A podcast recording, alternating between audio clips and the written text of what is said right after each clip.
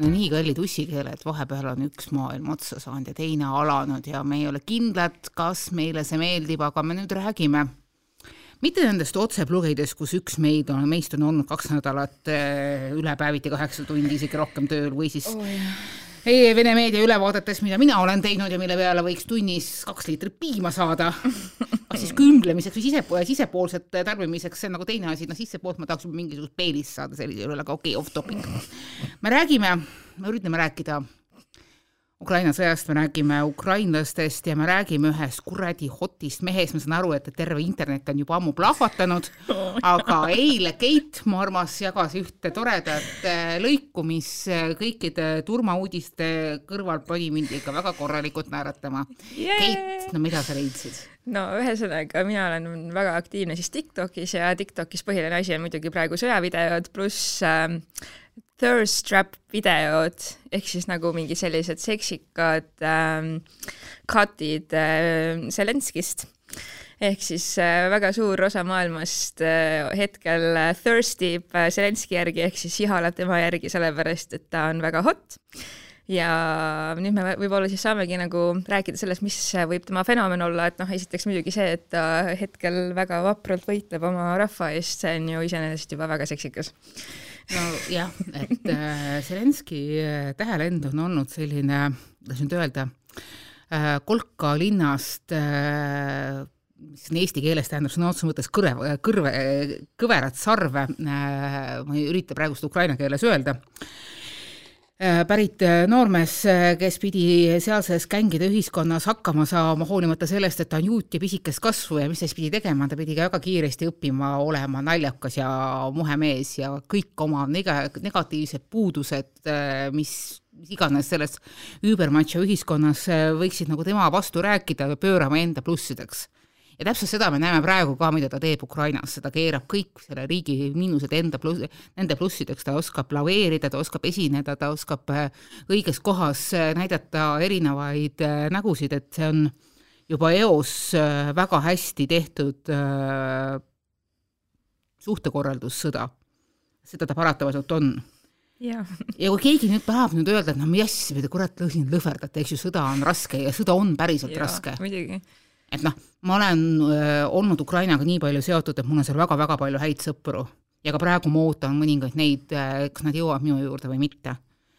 ja need uudised ei ole naljaasi ja ma tean suurepäraselt, mida tähendab selle turma all elada, mis, mida, tähendab see hirm, ka mu enda abikaasa oli just vahetult enne sõja algust kaks nädalat Ukrainas. ja noh, tõesti, võib öelda, et, et kõik ootasid mingisugust laksu, et see laks nii hele tuleb, see noh, tänaseks äh, kõigile mingil määral arusaamatu, sest et noh, kahekümne teisel sajandil ei peaks olema selline, selline situatsioon, kus kohas äh, agressorid ründavad vastaspoole sünnitushaiglaid. Need on need pildid, mis äh, selle salvestuse ajal on just internetti jõudnud ja need on tõeliselt õudsed.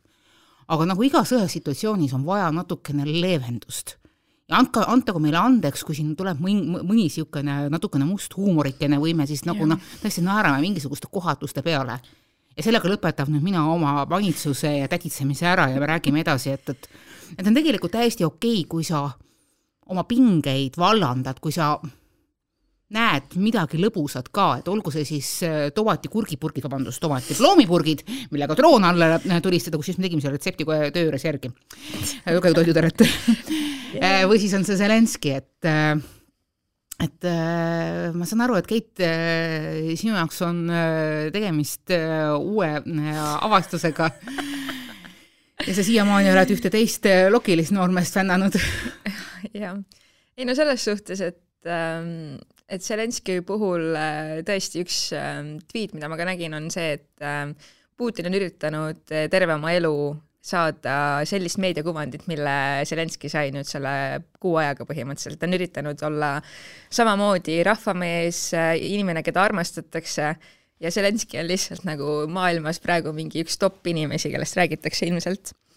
aga jaa, mis tema puhul siis see fenomen võib olla, et äh, et noh, selles suhtes, et äh, tegu on siis meelelahutajaga, kes varasemalt, eks ole, on kaasa löönud igasugustes, äh, ma ei tea, komöödia etendustes või seriaalides või telesaadetes või mis iganes, kuidas me seda ütleme. jah, Rahvateenor on see Just. seriaal, millega ta sai laiemalt Ida-Euroopas tuntuks, see on ka meil jooksnud ja seda ma soovitan vaadata. ta peaks olema erinevates huubides järele vaadata, et juba see meloodia algus. peaks ka laulda päriselt andeks andeks.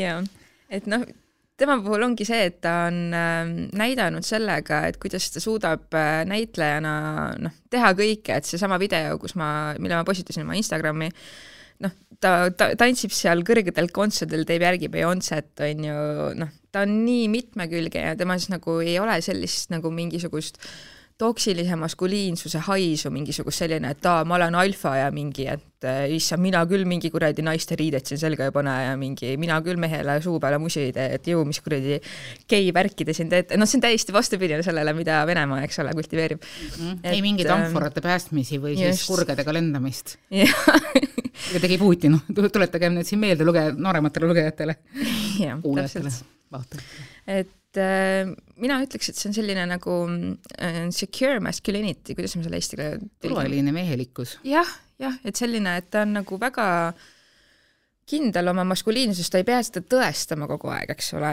nagu mingisugused need Red Pill alfa tüübid, kes siin äh, vägagi võtavad äh, võimust hetkel minu arust vähemalt ühiskonnas, see on üks teema, millest võiks teha isegi eraldi saate, see on need Red Pill tüübid mm. -hmm. oh, kohutav suurepärane, selle me paneme kohe ilusasti, kirjutame punaste, punaste tähtedega seina peale, et oodake, oodake, tüübid, teie tund on tulnud. et noh, peame aru saama, et Ukraina ühiskonnas on tegelikult Zelenskõi väga polariseeriv tegelane, et, et kui ma olen nagu küsinud ka inimeste käest, kes on äh, Ukrainas noh, nagu niisuguses ühiskonnas elus annavad tooni, et noh, mida nemad Zelenskist arvavad, siis enne sõda oli ikkagi valdav arvamus see, et ah, ta on mingi kloun. Yeah aga see on ka äärmiselt polariseeritud ühiskond, et seal on äh, oligarhid ja nende äh, nagu posseed või kuidas seda nimetatakse mm, -hmm. nende järgijaskonnad, et see, et, et noh, et, millise oligarhi juurde sa kuulud, millisesse kildkonda sa kuulud. ja Zelenskõi tuli võimule niimoodi, et tema oli täiesti oligarhide väline tegelane, umbes nii nagu oma selles telesaates või teleshow's äh, Rahvateener mis rääkis siis äh, lihtsast äh, ajalooõpetajast, äh, kes tuli võimule tänu sellele, et, et tema koolilapsed hakkasid teda läbi crowd management'i sinna push ima ja suure üllatusena ta võitiski. ja mis siis saab nagu sellest nii-öelda ootamatust presidendist, see on päris naljakas, see on küll äärmiselt lihtsustatud. aga ma ütlen täiesti ausalt, et noh, endise poliitikaajakirjanikuna mul oli väga huvitav seda asjandust vaadata ja ikka päris korralikult sai naerda, aga noh, eks ma tunnen natukene selle poliitika nagu telgitaguseid ka aga tema puhul oligi see, et kui ta nüüd valiti presidendiks, siis keegi ei oodanud, et, et ta suudab äh, nii suure tugeva hääle äh, tulemuse saada, et see oli, issand, ma võin nüüd eksida, mingi seitsekümmend kolm või noh, umbes nii, et üle seitsmekümne protsendi. Äh, ja ta tuligi täpselt nagu kõikide nagu nähtaval olevate oligarhide ja nende nii-öelda võimestatud poliitikate tegelaste vahelt ülesse. ja muidugi on öeldud, et noh, et, et eks Zelenskil ole ka oma oligarh taga, et kes kõik tema seda äh, Äh, teatritruppi, truppi rahastas, kes seda äh, telesaadet vara, rahastas, kes tema kampaaniat rahastas, ta ju lõi lisaks, ta lõi ju peale seda telesa-, telesaadet äh, ka samanimelise partei Rahvateener. et see nagu ilmselgelt oli näha, et, et, et noh, et kas nüüd oli, kumb nüüd oli enne, kas Iha võimule tulla või siis komöödiasari või siis komöödiasari ja Iha võimule tulla aga igal juhul praeguseks on Ukraina ilusasti Zelenski taga, praegu on küsimus ainult selles, et äh, kuidas kaitsta oma kodumaad. Ja selles on osutunud Zelenski suurepäraseks kommunikaatoriks. suhtleb ta siis äh, ukraina keeles, vene keeles, kusjuures äh, pange tähele, Zelenski on pärit venekeelsest juudi perekonnast, tema emakeel, tema esimene keel, tema kodune keel, vähemalt veel mõned aastad tagasi oli vene keel ja praegu ta oskab esineda niimoodi kas või Briti parlamendile, et äh, nende suured sopakad, mis on ikka suhteliselt jäärepäised tegelased, äh, tõmbavad ühisjooni Churchilliga. me peame võitlema teiega randadel, metsades, linnatänavatel, me võitleme teiega. Vau, noh, sa kuulad seda, sul tuleb külmarinad peale.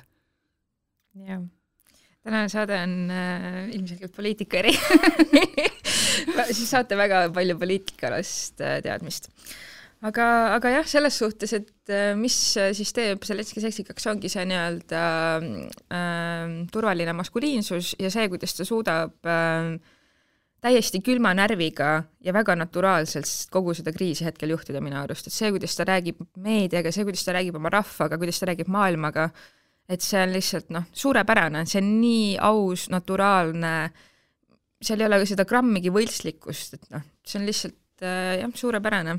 See, vot see kõige, kõige noh, niimoodi see moment, kus rahvas ta avastas, oli ju see, et, peale kolmandat päeva, äh, kus kõik arvasid, et nii, Zelenskõi nüüd põgenes, sest et Joe Biden, USA president, tegi talle ettepaneku, et enda ja perekonnaga siis turvalisse kohta minna, äh, ja siis järgmisel päeval paneb sotsiaalmeedia, sotsiaalvõrgustik presidendi maja ees tehtud äh, pildi, et noh, sõbrad, ma olen ikka siin, ma ei lähe mitte kuhugi, et, et noh, ärge pakkuge mulle turvapaika, pakkuge mulle laskemoona. Yeah ja samamoodi on tema perekond vähemalt äh, seniste andmetel endiselt Kiievis, et ma ise mõtlesin teel äh, stuudiosse, et, et noh, mis on selline Zelenski fenomen, et just seesama asi, mis sa tegelikult ütlesid, see turvaline approachable maskuliinsus mm, -hmm. aga ta on ka äärmiselt aus. pole kordagi varjanud, et äh, ta on väsinud, et tal on silma all kotid või et, et tal on habe ajamata või ta on kuidagi sagrisolekuga. Ta ei riietu äh, pintsakusse ja lipsu, kui ta samal ajal elab punkris, mis on noh, mis on mõttetu. Yeah.. ja nii palju, kui ma nagu vaatasin tema sotsiaalmeediakontodes, kus on ta üsna aktiivne tagapoole, siis äh, ta näitab suhteliselt äh, vabalt oma perekonda. Äh, viimati oli näha, kuidas ta sõbrapäeval oma naist kallistab, ta pöördub ilusasti oma perekonna poole, ta ta on suutnud oma naist kohelda sellise austusega, et esileedi on Ukraina ühiskonnas sellisel, sellisel üsna huvitaval positsioonil, ta on äärmiselt sõna, ta on noh, äärmiselt nagu isegi võiks öelda populaarne, ta on sõnaõigusega, aga tast ei ole saanud nii sellist nagu meediaklouni. et teda ei ole, noh, teda ei ole visatud huntide ette, mis on väga sageli, võib juhtuda presidendi abikaasadega et äh, talle on antud võimalus äh, särada omaenda punktides ja muudes osad, osades olla tagasi tõmbunud, sest see sobib talle rohkem.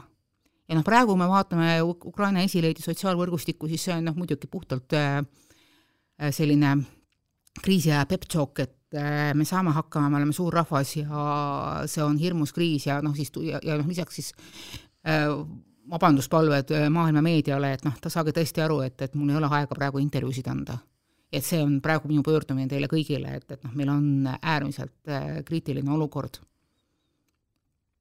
et, et noh, mingil määral on nad sellised, niisugune niisugune värske hing-, tuulepuhang, noh, ma juba mõtlen nagu e-, e noh, nagu enne sõda äh,, niisugust Ida-Euroopa, ma ei mõtle siin midagi halvas mõttes, mida aga noh, Ida-Euroopa on väga sageli mingisugune sõimusõna, aga mina arvan, et seda, et seda tuleks lihtsalt võtta kui geograafilist terminit et noh, meie oleme täpselt ida ja põhja vahepeal, aga lihtsalt sellepärast, et see ongi meie selline geopoliitiline positsioon, peamiselt nagu, nagu geograafiline positsioon. et äh, nad on, nad on julged, nad julgevad ennast välja näidata, nad julgevad näidata välja oma emotsioone, nad ei ole kivinäod, aga samas äh, samas nad ei tee ennast äh, narriks, nad ei, nad ei tee ennast nagu liiga niisuguseks äh, nagu polariseerituks muidugi noh, nii mõnigi ukrainlane võiks mulle vastu vaielda, et, et juba see olevat äh, erakordne, et mis mõttes näitleja saab meie presidendiks.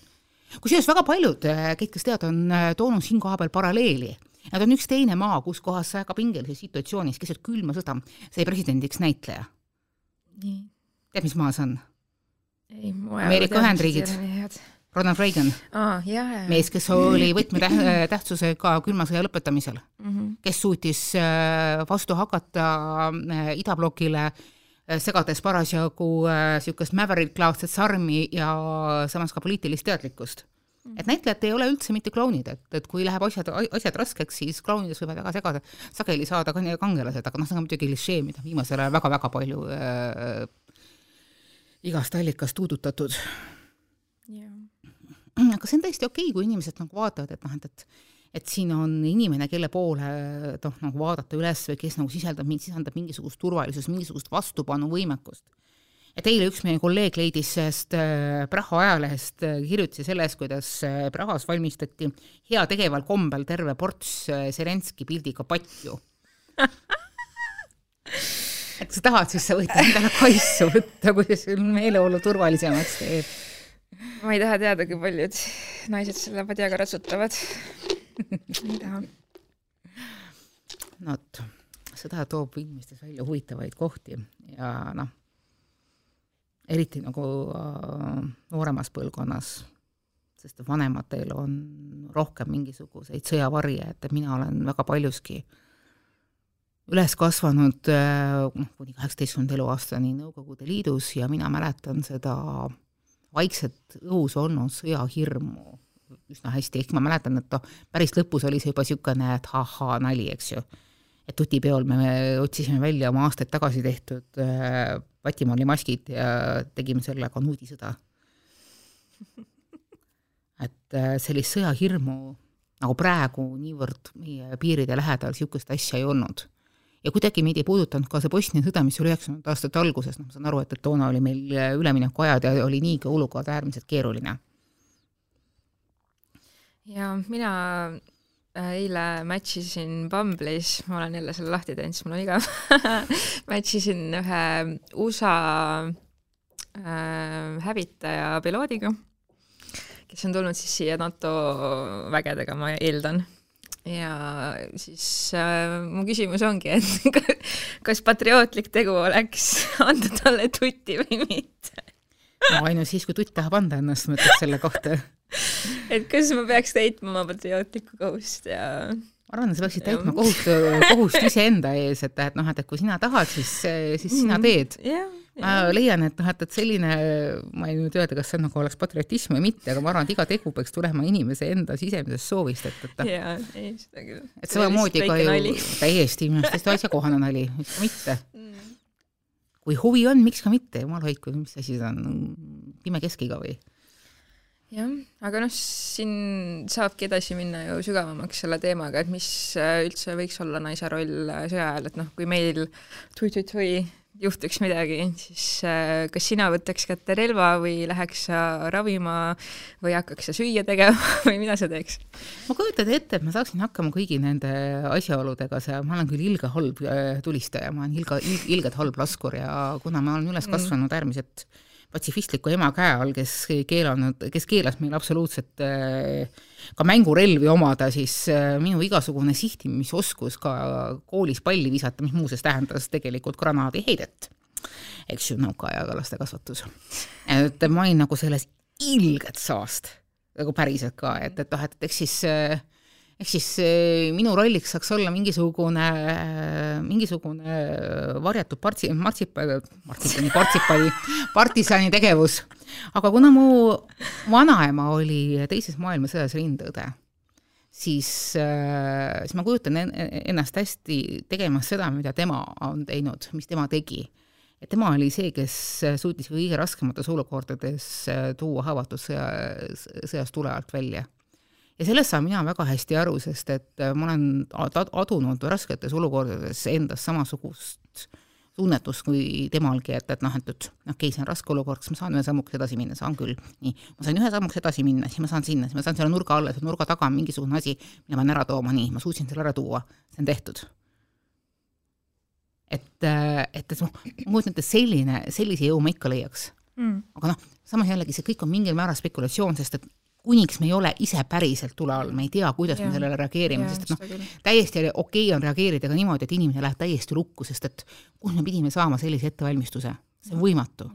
ja seetõttu siis kõik emotsioonid, mis meil on praegu seoses selle sõjaga mm, -hmm. selle, selle sõjalise tegevusega, kuidas üldse keegi seda asjandust nimetab ja see on, ja see on sõda loomulikult, et, et kõik emotsioonid on tegelikult okei. Okay., okei okay on see, kui sa tunned tahtmist võtta relv kätte ja minna, minna appi. Ja okei okay on see, kui sa tahad praegu iga, iga, iga hinna eest oma kallimad ära vooderdada ja vaadata, kas sul on turvalised kohad, kas su keldril on piisavalt paks lagi on täiesti okei okay,, kui sa mõtled, et nii, kui niipea kui mingi jama tuleb, mina lähen supikööki tegema, mina lähen no, haavatuid siduma, mina lähen midagi muud tegema ja see on tegelikult, on ka täiesti okei okay,, kui sa leiad, et, et sa võtad relva ja lähed äh, rindele, siis ma kujutan ette, et et heaks sõduriks olek ei, ei, ei, ei sõltu tegelikult soost.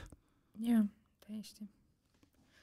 jah, minu vanaema on äh, kaheksakümne viie aastane, ta oli elus Teise maailmasõja ajal ja vanaema just äh, hiljuti, noh, kuna me elame äh, kõrvuti, siis ma käisin -hmm. tal äh, rääkimas temaga, kui sõda hakkas, et kuidas tal nagu noh, on emotsionaalselt ja kuidas ta ennast tunneb.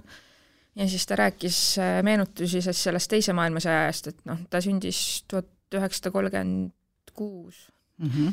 ehk siis ta ikkagi oli, ma ei tea, mingi viie-kuueaastane võib-olla mm, -hmm. midagi sellist. piisavalt noor, et mäletada. ja, ja või piisavalt vana, et mäletada, vabandust. ja ta elas äh, oma perekonnaga Jõgevamaal Laiuse külas ja see on koht, kus äh, toimus väga kõva lahing äh, venelaste ja sakslaste vahel ja tema kodutalu pandi venelaste poolt põlema.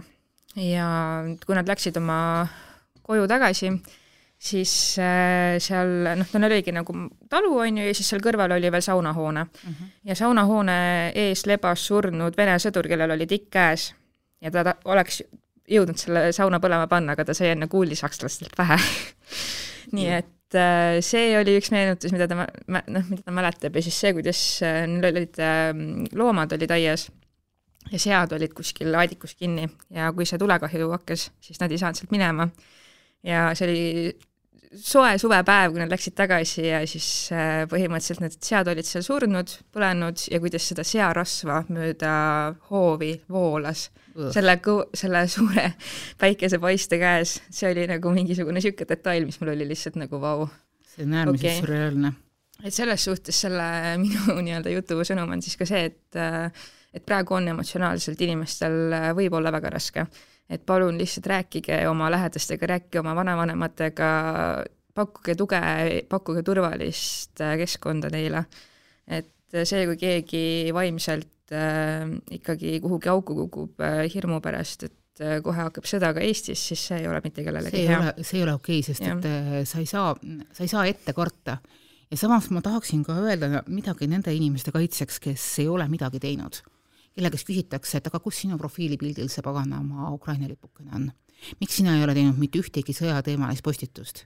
miks sa täiesti lukku lähed, kui inimesed hakkavad rääkima pagulastest äh,, aitamistest, miks sina ei ole kellegi silme ees teinud mingisugust äh, sammu, mingit demonstratiivset sammu? ja see ärritab mind hästi tugevasti. et kust te teate, et need inimesed ei ole ühtegi sammu teinud? ma tean päris mitut inimest, kes ütlevad, et nad ei suuda selle avaliku äh, poseerida, poseerimisega kaasa minna, et, et kus kohas näidata demonstratiivselt, et noh, et vaata, näed, mina olen seda teinud. et jah, võib-olla tõesti see ei ole poseerima ja ma tean, et, et inimesed teevad seda selleks, et ärgitada teisi ka. et jah, ma ütlen avalikult, et ma olen seda ja teist ja kolmandat äh, toetanud. aga, aga väga paljud inimesed toetavad oma, oma varjatud moel ja võib-olla nad ei olegi veel leidnud seda kohta, kus toetada, nad on lihtsalt toetanud hinges ja kui nad leiavad selle koha, kus toetada, siis võib-olla just nende toetust läheb sel hetkel kõige rohkem vaja. ja kui sa hetkel tunned, et see kõik see lööb sind jalust maha ja sa ei suuda selles, sellega toimetada, siis ka selle üle ei pea nagu äh, tundma ennast süüdi, et, et justkui sa õigustaksid sellega mingisugust äh, konflikti. ei, see ei ole niimoodi, sest me kõik diilime traumadega ja see on üks suur tohutu trauma meist tuhat kilomeetrit eemal iga, igaüks diilib sellega natukene omamoodi. jaa, ja muidugi aitamine on alati hea, aga selles suhtes, et kui sinu motivatsioon aidata tuleb ainult sellest, et sa saad seda hiljem äh, sotsiaalmeedias sellega uhkustada, noh siis ongi see, et kus, kus see nagu, kas see on õige koht, kus su motivatsioon tuleb, kas see, et sa saad oma egole vai, on ikka kõige parem koht, äh, kust aidata, et noh, muidugi see on tore, et inimesed aitavad. isiklikult ka ma kajastan seda sõda kaheksa tundi päevas otseblogi vahendusel ja ma lihtsalt ma pean ennast välja lülitama töövälisel ajal sellest kõigest, sellepärast ma ei jää muidu emotsionaalselt ellu, ma ei suuda mm. -hmm. ma olen teinud annetusi erinevatele organisatsioonidele, aga ma, ma tõesti ka ei suuda oma töövälisel ajal, äh, ma ei tea, minna mingit äh, kuhugi sinna pagulaskeskustesse või noh, mis iganes, et ma lihtsalt, see on minu jaoks emotsionaalselt liiga palju. ma olen vaadanud, et, et noh, et, et mis on need kohad, kus saaks nagu rohkem abistada, et mis, mis hetkel vajavad ja siis, ja siis nagu kalkuleerinud äh, enda panuseid sinna, et ka mina olen teinud annetusi, ma olen just leidnud, et, et, äh, et need võib-olla, võib-olla sel hetkel ei ole nii relevantsed, et näed, mina ka nüüd annetasin sinna ja tänna, eks ju. et minul on küll kõik need lipukesed ja niisugused asjandused üleval, ma olen, ma olen üritanud äh, nii-öelda anda enda panust läbi enda töö, enda töö et näidata, et noh, et, et eh, milline on selle, selle sõja erinevad palged, mida nagu räägitakse ühelt poolt, mida räägitakse teiselt poolt. et kuidas nagu teisele poole need kuvandid äh, lähevad. ja mis mind on samamoodi nagu äh, teinud äärmiselt kurvaks, sest ma saan aru, et, et see ongi selline küsimus, kus ei ole nagu häid vastuseid, on see, millisesse, millist kuvandit on tehtud inimeste suhtes, kes, kes, kes elavad Venemaal, kes, kes räägivad vene keelt, eks on venelased, et, et justkui nemad kannavad koos Putiniga vastutust selle sõja eest. ma olen elanud viis aastat Venemaal, noh, seda ma olen siin piisavalt palju juba tutvutanud et äh, ma olen kajastanud ära kogu Valge revolutsiooni äh, fotoaparaadiga. Äh, see oli siis kümme aastat tagasi suurem vastupanulaine Putini režiimi vastu. Ma olen näinud nende inimeste silmades ja tegudes tohutut julgust, sest iga väljatulekuga nad sõna otseses mõttes riskivad kõigega. mitte just oma eluga vähemalt sel hetkel, vaid sellega, mis nende eludest saab, et sa võid kaotada oma töö, sa võid kaotada oma kooli, sa võid kaotada oma äh, Äh, positsiooni, sissetuleku, äh, sa võid langeda tagasi kusagile rajooni äh, tasemele või mingisugusesse tagumisse provintsi, kus kohas sinu elul laiemas plaanis puudub sinu võimetele vastav tulemus. ja see on asi, mis nagu intimideeritab, intimideerivad neid inimesi. ja miks, miks need mässud on nii jõhkralt alla surutud ja see, kuidas nagu Venemaa käitub oma dissidentidega, seda on ju näha olnud, nad saavad kas kuuli, eh, nagu Anna Politkovskaja või Boriss Nemtsov, või lihtsalt neile fabritseeritakse mingisugune absurdne eh, protest eh, pensionäri, vabandust, sõjaväepensionäri solvamisest, mis juhtus Navalnõiga. et see on ühiskond, mis on väga, väga valusates traumades, mis on siiamaani selles platnoi mentaliteedis kinni, mis algas äh, peale, peale, peale Stalini äh, võimule tulekut, isegi ma arvan, enne seda koos oktoobrirevolutsiooniga. Ja see paranemine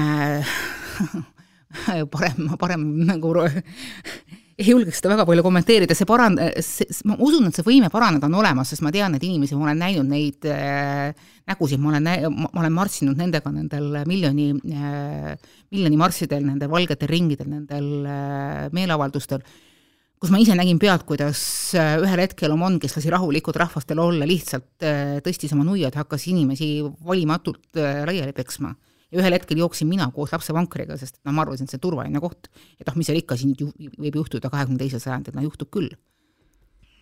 et see on äärmiselt mitmekihiline asi ja kellelegi meelega nagu süüdistuste panemine tervele rahvale, terve rahva, tervete rahvaste süüdimõistmine oleks asi, oleks asi, millega tuleks hästi ettevaatlikult äh, teha, et pigem tuleks nagu rääkida ja küsida, kas sul on okei okay., isegi siis, kui sa, sinu emakeel on vene keel, samamoodi nagu Zelenskil et kas sinuga on okei okay. ja kui sa ei taha sellest rääkida, okei okay,, ma saan aru, et, et ma saan tegelikult aru ka, et, et sinu sees võib olla väga palju segadust, valu.